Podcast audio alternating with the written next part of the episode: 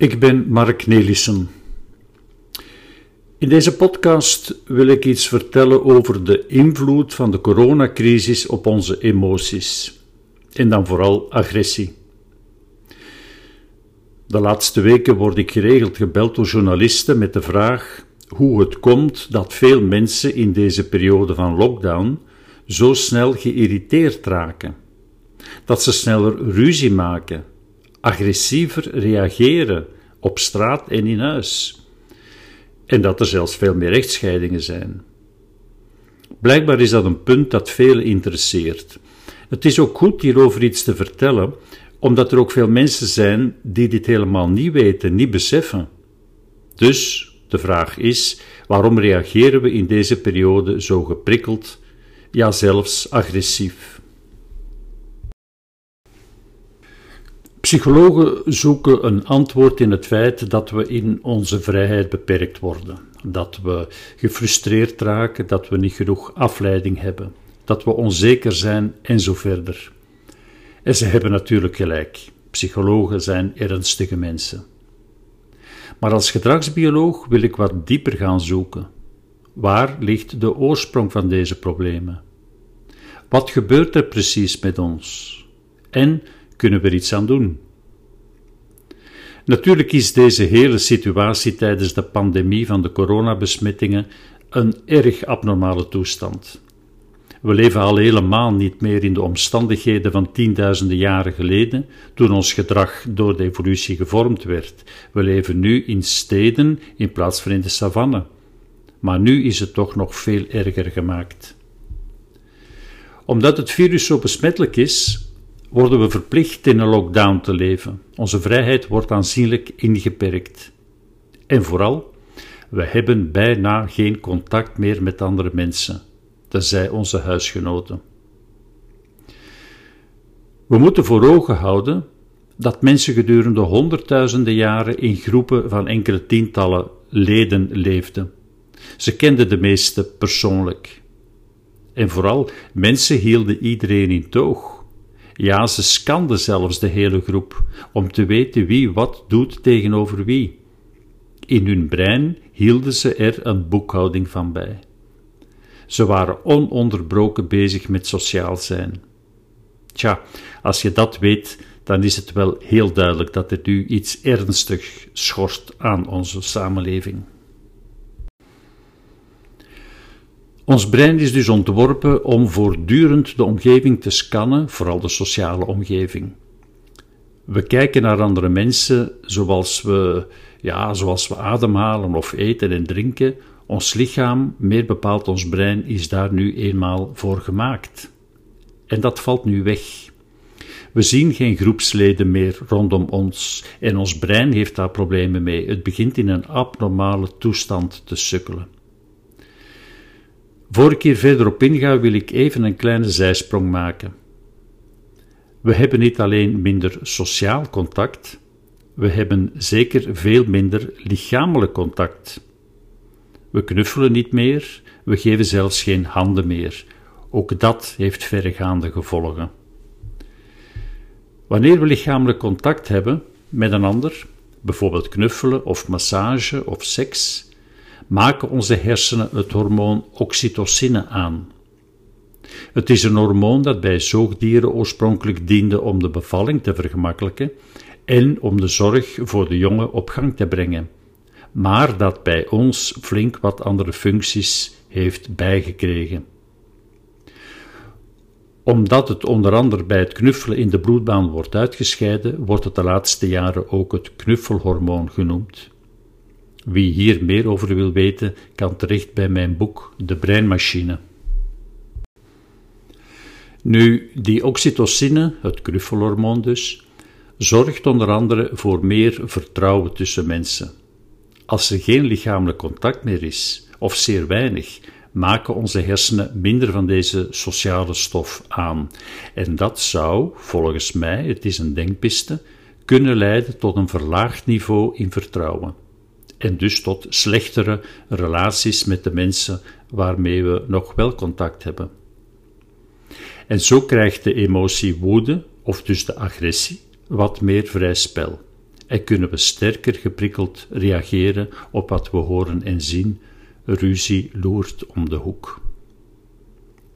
Maar dan komen we bij het probleem dat ik daarnet vermeldde, namelijk we zien geen groepsleden meer rondom ons. Dat is hoe dan ook een situatie die een alarmreactie oproept. Ons brein zegt dat we in een zeer abnormale situatie zijn beland. De groepsbescherming is weg en roept alarm. Wanneer we in een gevaarlijke, penibele toestand verzeild zijn geraakt, wordt ons lichaam klaargemaakt om snel te reageren. Ofwel vallen we de gevaarlijke toestand aan, ofwel vluchten we weg. Ons lichaam kent een vecht- of vluchtreactie. Dat houdt onder andere in dat er weer een ander hormoon, namelijk adrenaline, in je bloed wordt gepompt. En dat hormoon kan soms leiden tot meer agressie en worden we prikkelbaarder. Zo'n vecht- of vluchtreactie is heel normaal, even normaal als ademhalen. En we moeten er ons geen zorgen over maken, de reactie doet zich heel vaak voor. Maar de pandemie en de crisis die eruit voortvloeit, duurt nu al vele maanden. Ons lichaam wordt dag in, dag uit uitgedaagd om te reageren met een vecht- of vluchtreactie. Resultaat: er ontstaat stress. Ook dat is op korte termijn geen probleem, het behoort gewoon bij ons leven. Maar op langere termijn, zoals bij de crisis, betekent stress een geweldige belasting voor ons lichaam, met heel veel gevolgen. Zo worden we minder creatief, hebben we minder aandacht, kunnen we ons moeilijker concentreren. Allemaal dingen die ons gewone leven beginnen te dwarsbomen. Ons werk, ons hobby, het gaat allemaal minder goed. Ook de relatie met onze partner. Dat is nu eenmaal de kostprijs die we moeten betalen om met de stress om te kunnen gaan. De stress verandert dus ons gedrag, maar kunnen we verklaren hoe dat komt? Natuurlijk, anders zou ik deze podcast niet maken. Wat dacht u? Bij aanhoudende stress grijpt er een verandering plaats in de amygdala. De amygdala, of amandelkern als u dat liever hoort, is een oeroud centrum diep in onze hersenen. De dinosaurussen hadden die hersenstructuur al, dus honderden miljoenen jaren geleden. En eerlijk gezegd, die kern is niet bepaald gemoderniseerd. De amygdala regelt onze al even oude emoties zoals angst en woede. Als iemand op straat per ongeluk tegen je aanloopt, al was het maar een tik tegen je schouder, dan roept de amygdala alarm en stuurt signalen naar de rest van je lichaam om met woede te reageren. Oké, u reageert niet woedend op die onverlaat die het aandurft tegen u aan te botsen, omdat die woede meteen geremd wordt. Daar kom ik zo dadelijk op terug.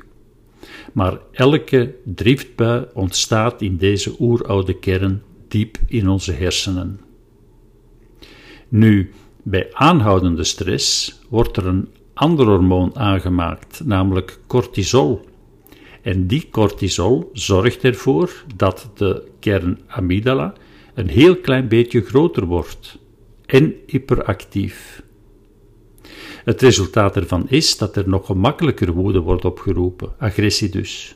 Je wordt sneller boos of driftig, je reageert sneller geprikkeld. Er is nog een tweede gebied in onze hersenen dat een rol speelt in de reactie op stress, de zogenaamde prefrontale cortex. De hersencortex, in plaats van cortex mag je ook schors zeggen, is het meest moderne deel van onze hersencomputer. Het bestaat uit de buitenste laag van de hersenen, dus onmiddellijk onder de schedel en is ongeveer 3 mm dik. Het is met die cortex, of schors, dat we denken en spreken en zien en horen enzovoort. Het voorste deel van de cortex noemen we de prefrontale cortex. Als je een nagel doorheen je voorhoofd zou kloppen, komt die recht in dat gebied terecht. Je moet dat niet proberen, het is voldoende te weten over welk gebied we spreken. Goed, die prefrontale cortex doet enorm veel. Het regelt verschillende gedragingen, zoals de beslissingen die we nemen, de plannen die we maken. Het bepaalt mee onze persoonlijkheid, hoe we ons gedrag tegenover andere mensen uh, regelen en het regelt mee de emoties. Dat laatste interesseert ons het meeste hier. De prefrontale cortex kan immers het onbesuisde werk van de amygdala afremmen. Ik zei daarnet dat die oeroude kern zeer snel reageert met woede, maar ook geremd wordt. En ik zei dat we dat later zouden bekijken, wel, nu is het later. De prefrontale cortex is verbonden met onder andere de amygdala via zenuwbanen en zorgt voor een voortdurende remming. Steeds opspringende driften worden meteen onderdrukt, tenzij het natuurlijk nodig is om echt boos te worden. Als die passerende voetganger van daarnet duidelijk met opzet tegen je schouders stoot, tja, dan heb je alle recht om boos te zijn. De prefrontale cortex zegt tegen de amygdala: Ga je gang maar, kerel, die onverlaat verdient een bloedneus. En de remming valt weg. Maar als de botsing duidelijk om een ongelukje gaat, is boosheid uit een boze en moet de opvliegende amygdala meteen geremd worden. Dat is allemaal mooi uitgewerkt door de evolutie, maar zoals elk goed draaiend mechanisme kan ook die van de prefrontale cortex worden gestoord. Door aanhoudende stress bijvoorbeeld. Wanneer de stress te lang duurt, zien we dat dit belangrijke hersengebied lichtjes krimpt. Dat komt doordat er erg veel verbindingen tussen hersencellen in deze cortex verloren gaan. Die verbindingen zijn essentieel om de computer onder onze schedel te laten werken. Dus het is niet moeilijk om te begrijpen dat het wegvallen van die verbindingen ernstige gevolgen kan hebben op alles wat de prefrontale cortex doet. Zo gaat je concentratievermogen achteruit, kan je minder goed nadenken, uh, je minder goed concentreren, je hebt minder zin in het nemen van initiatief, je wordt minder actief, je kan moeilijker je aandacht bij iets houden. Je hoort wel eens dat mensen niet in staat zijn om een boek te lezen tijdens de crisis, of dat ze geen zin hebben om aan iets te beginnen. En dat juist wanneer je tijdens de lockdown binnen moet blijven. Wel, ze moeten het hun prefrontale cortex maar kwalijk nemen. Wanneer nu die prefrontale cortex minder verbindingen maakt met andere hersengebieden, geldt dat ook voor de amygdala. En dus worden de emoties die daar worden opgeroepen minder goed afgeremd. Resultaat, we worden sneller boos. Het effect van de ontregelde amygdala wordt nog wat verergerd. Zie daar de verklaring van het fenomeen dat mensen tijdens de coronacrisis meer geïrriteerd zijn, sneller geprikkeld, ja zelfs sneller boos of woedend worden, tot groot jolijt van de advocaten die al die echtscheidingen mogen regelen. Voor ik iets vertel over hoe we deze problemen kunnen wegwerken, nog even dit. Aangezien de amygdala niet alleen woede oproept, maar ook angst, kunnen we hetzelfde effect zien voor wat deze emotie betreft. Angst is ook een oeroude emotie. Ze zorgt ervoor dat je in leven blijft. Het is een alarm voor gevaren. Maar net als bij de woede kunnen we voortdurend prikkels waarnemen die ons bang kunnen maken, zonder dat het nodig is. Ook hier zal de prefrontale cortex op de rem gaan staan en overbodige angsten tegenhouden. Die passerende voetganger die tegen uw schouder botste, kan in plaats van boosheid ook angst oproepen. Help, ik word aangevallen. Als die kerel een boeventronie heeft en een slagersmes in zijn hand, ja, laat de amygdala dat maar doen. Maar als de prefrontale cortex vindt dat het een ongeluk is, dan zal hij weer de amygdala tot kalmte aanmanen. En u begrijpt al waar ik naartoe ga, de aanhoudende stress kan ook angstgevoelens versterken. Enkel omdat ze minder afgeremd worden. En inderdaad, buiten een toename in de irritaties zie je ook mensen die deze dagen banger zijn, sneller ongerust, meer gevaren zien. En dan gaat het niet enkel om de angst voor het virus, die ons terecht wordt aangepraat door de media, maar om angst voor vele andere dingen afhankelijk van de persoon. Tot zover het slechte nieuws. Het goede nieuws is dat we deze ontregeling in ons brein niet zomaar moeten ondergaan. We kunnen er iets aan doen. Op zijn minst de problemen verzachten. Daarvoor doen we beroep op de kennis van onze evolutie. Ik zei in het begin dat wij de meest sociale diersoort zijn en dat het grootste probleem met deze crisis bestaat in het verdwijnen van sociale contacten door de lockdown. Wel, we kunnen het tekort aan deze sociale contacten compenseren door andere, niet-lichamelijke contacten aan te gaan of op te bouwen, te verbeteren. Natuurlijk heb ik het dan over telefoontjes, over babbels via het computerscherm, over berichtjes via WhatsApp en ga maar door. Ik heb in mijn boek Eindelijk Oud, waarin ik de ouderdom analyseer vanuit onze evolutie, uitgelegd dat veel senioren die lijden onder eenzaamheid en daar stress door opbouwen, met alle medische gevolgen van dien, geholpen kunnen worden door te beginnen werken met Facebook. Aanvankelijk geloofde ik dit niet, maar onderzoek heeft uitgewezen dat Facebook een bijzonder belangrijke sociale functie heeft voor eenzame mensen. Senioren die leerden werken met Facebook hadden minder problemen en werden zelfs gezonder. Je kan ook sociale contacten onderhouden door te gaan wandelen met vrienden, buren, familieleden en met hen te babbelen over de grenzen van het heelal. Steeds van op veilige afstand van elkaar natuurlijk. En ondertussen is het belangrijkste woord in verband met het verzachten van de COVID-problemen gevallen: wandelen. Veel van onze psychische problemen kunnen verzacht worden door lichamelijke activiteit. Stilzitten is voor ons brein des duivels oorkussen. Om bijvoorbeeld iemand te helpen genezen van een depressie is lichamelijke activiteit het beste voorschrift. En veel moet dat niet zijn. Je hoeft niet noodzakelijk te gaan sporten, hoewel dat natuurlijk erg goed is in deze context. Wandelen is al voldoende. En hoe meer, hoe beter. Alleen of in een groepje, als je maar beweegt. Ons lichaam is er immers voor gemaakt.